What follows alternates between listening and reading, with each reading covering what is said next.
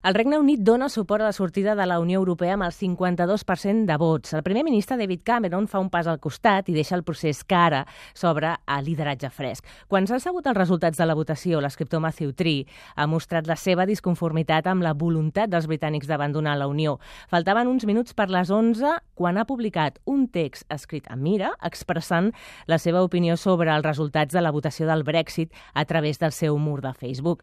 Matthew Tree, bon dia. Avui t'havíem convidat al 8 dies per parlar dels resultats i ens has dit que no et veies capaç de fer-ho en directe, per això et saludo dient-te bon dia. Estàs decebut o més aviat enfadat? Uh, el que sento sobretot és vergonya aliena. Uh, jo no he pogut uh, participar en aquest referèndum perquè he estat més de 15 anys fora del país. Som dos milions de britànics que vivim a la Unió Europea uh, que no hem tingut ni veu ni vot, la majoria. I sento vergonya aliena perquè sé que al fons d'aquesta campanya a favor de sortir de la Unió Europea hi ha xovinisme, hi ha por a la immigració, hi ha fins i tot un cert racisme.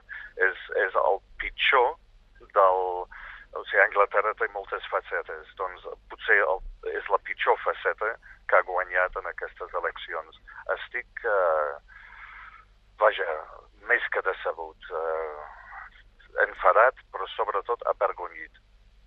El referèndum acaba amb 43 anys de relació entre la Unió Europea i el Regne Unit, una relació que va començar amb l'ingrés del Regne Unit com a venedor d'electrodomèstics, com en recomanaves, com en recordaves en un article teu. Això és el que escrivies el 19 de juny en el teu article Fugir enrere.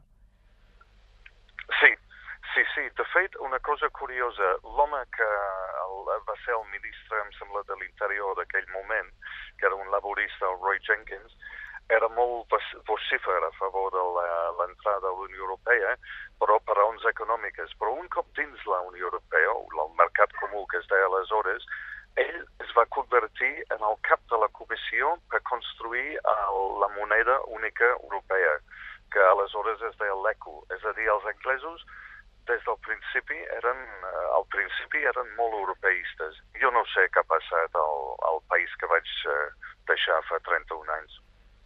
El teu escrit, entre altres coses, i dius que el que més greu et sap és que el sector xovinista de la Gran Bretanya hagi fet sentir la seva veu, expressant la necessitat imperiosa de deixar de pertany a la Unió Europea, i per tu això significa que ha guanyat, com deies, i ens deies aquí, la societat més feixista i racista, és així? És, és això, o sigui, ara uh, polítics com el Nigel Farage, que, que per cert és un anglès que té un cognom francès i una dola alemanya, tindran molt més ressò del que tenien abans. I això és com una còpia del que està passant en altres al, alguns altres països europeus, l'auge de l'ultradreta, del xovinisme, de la xenofòbia, etc. Uh, ho trobo fatal, evidentment. Uh -huh.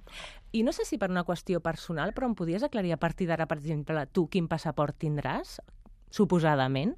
T'hauràs de fer espanyol, no? Pensant seriosament en sol·licitar un passaport espanyol, cosa que vol dir que he de renunciar al passaport britànic, cosa que uh, avui mateix no em fa gens de pena. Um, I amb el passaport espanyol, com a mínim, podré votar, per exemple, a favor de partits independentistes catalans, cosa que actualment no puc fer. T., gràcies. No et volem estirar més la llengua perquè no era el propòsit d'aquesta entrevista. Gràcies per ser-hi malgrat tot. Vosaltres. Em sap una mica de greu en nota personal no poder parlar directament amb el Miqui Puig perquè fa molts anys que no connectem per la ràdio i em fa il·lusió, però avui no vull parlar gens de la cultura anglesa ni res que s'hi assembli. Que fort, que fort. Gràcies.